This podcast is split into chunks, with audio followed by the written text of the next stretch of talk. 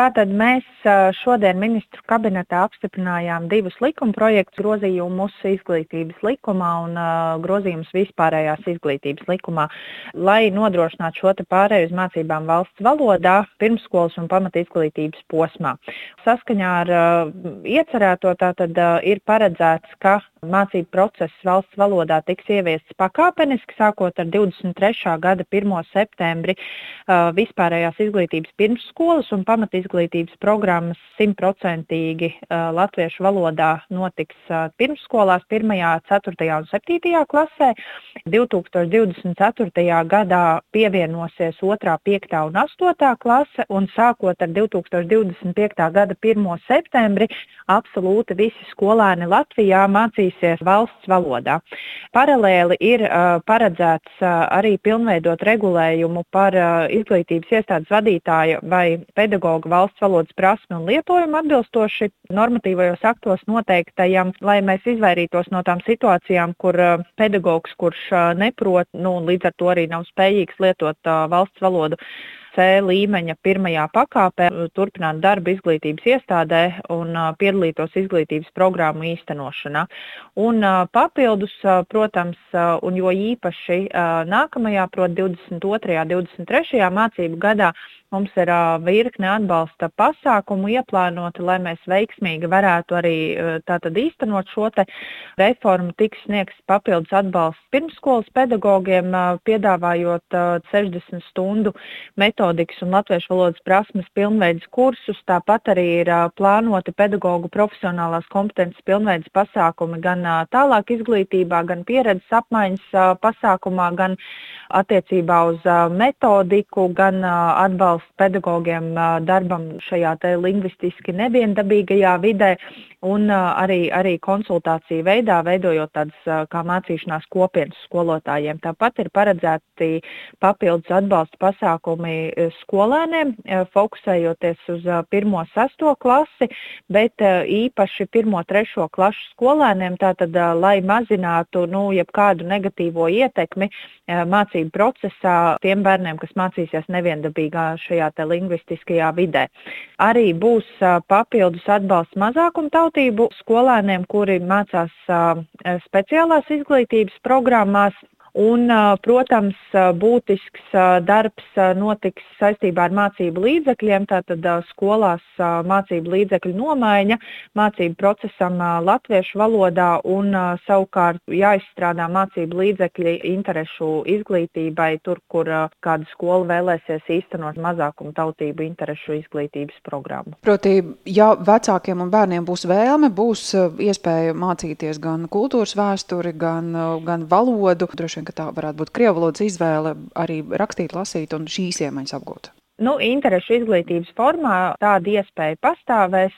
Ja būs tāds pieprasījums, tad skolē būs iespējas organizēt interešu izglītības programmu. Ar visu to atbalstu, ar papildu kursiem, ar, ar mācību mm -hmm. līdzekļu izstrādi, kā būs ar skolotājiem? Vai būs kas strādā ņemot vērā to, ka, nu, ka tā varētu būt arī diezgan sarežģīta vide, jo nu, nav noslēpums sabiedrībā. Tā nostāja ir dažāda, un arī mhm. vecāku mm -hmm. viedoklis par pārēju uz mācībām valsts mm -hmm. valodā varētu būt sarežģīts. Nu jā, redziet, šim jautājumam laikam ir divas daļas. No vienas puses, protams, ka mēs diezgan realistiski skatāmies uz to, ka var gadīties situācijas, kur nu, papildus pūliņi ir jāvelta, lai, lai šis pedagoģa nodrošinājums būtu pietiekams.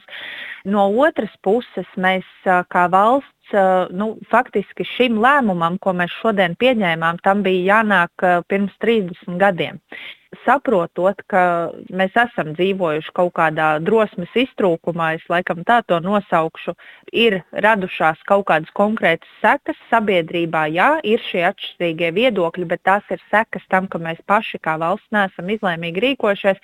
Un uh, droši vien, ka tikai tāpēc, ka ir paredzamas kādas uh, grūtības, kas uh, ar laiku nostabilizēsies, sakārtosies, šis lēmums nebūtu tāpēc atliekams. Jo mēs jau redzam, pie kā mēs esam nonākuši šo 30 gadu laikā pie faktiski tādas daļas sabiedrības, kas nejūtas piederīgi valstī, kurā viņi dzīvo. Protams, to neatiecina uz visiem. Ir arī mums virkne labu piemēru, bet joprojām ir tāda sabiedrības daļa, kas arī tālāk šo uzskatu par valsti, par vienu valodu Latvijā ja, nodod saviem bērniem. Es esmu absolūti pārliecināta, ka mēs tā vairs turpināt nedrīkstam. Tas, ka būs sākuma posmā, var būt kādas grūtības, jā, bet nu, tās ir sekas, ar ko mums šobrīd būs jāsaskaras dēļ pašu neizlēmības vai drosmes trūkumu. Šai brīdī būs arī kāda instance, kurai būs pienākums pārliecināties, vai skolotāji patiešām spēja valsts valodā atbilstīgā līmenī pasniegt savu priekšmetu. Jā, nu šobrīd par valsts valodas prasmes pārbaudi ir atbildīgs valsts valodas centrs, bet, protams, arī izglītības kvalitātes valsts dienests veicot uh, pārbaudas skolā vai akreditāciju vai, vai citi kontrolas pasākumi, konstatē šīs lietas un tad uh, sadarbojoties abām institūcijām, šis jautājums uh, tiek risināts. Jo šobrīd par to pedagoģu valsts valodas prasmes nezināšanu pietiekamā līmenī nu, patiesībā tikai parāda to, ka arī līdzšinējie soļi nav bijuši pietiekami, jo prasība pedagogam, jebkuram, arī tam, kurš strādā Eh, mazākuma tautības skolā ir jāzina valsts valoda C1 līmenī. Un, eh, ja mums ir situācijas, kur kāds pedagogs uh, nespēja pietiekamā apmērā lietot uh, latviešu valodu, runāt, sazināties, tas tikai parāda to, ka nu, faktiski uz papīra mēs uh, esam paši sev drusku tā tās acis uh, pievēruši ja, un, uh, un neesam gribējuši varbūt ieraudzīt to patieso situāciju. Bet no tāda mācīšanās viedokļa man gribētos teikt, ka tie labie piemēri, kur mums ir arī mazākuma tautības skolas, kas jau faktiski īsteno pilnā apmērā un tiešām lieto ne tikai nu, uz papīra, bet tiešām lieto latviešu valodu, tur tādu būtisku problēmu nav. Protams, būs, būs atsevišķas skolas, kur mēs teiksim, nojaušam, ka valoda netiek pietiekami lietot. Tur, protams, šiem bērniem to zināšanu iztrūks, bet bērni arī ļoti ātri apgūst un mācās un, un tiksim galā. Nu, tas, ka tas pirmais posms varbūt būs grūtāks, nu, tāds ar uh, klupšanu un krišanu, ar to mums uh, ir jārēķinās.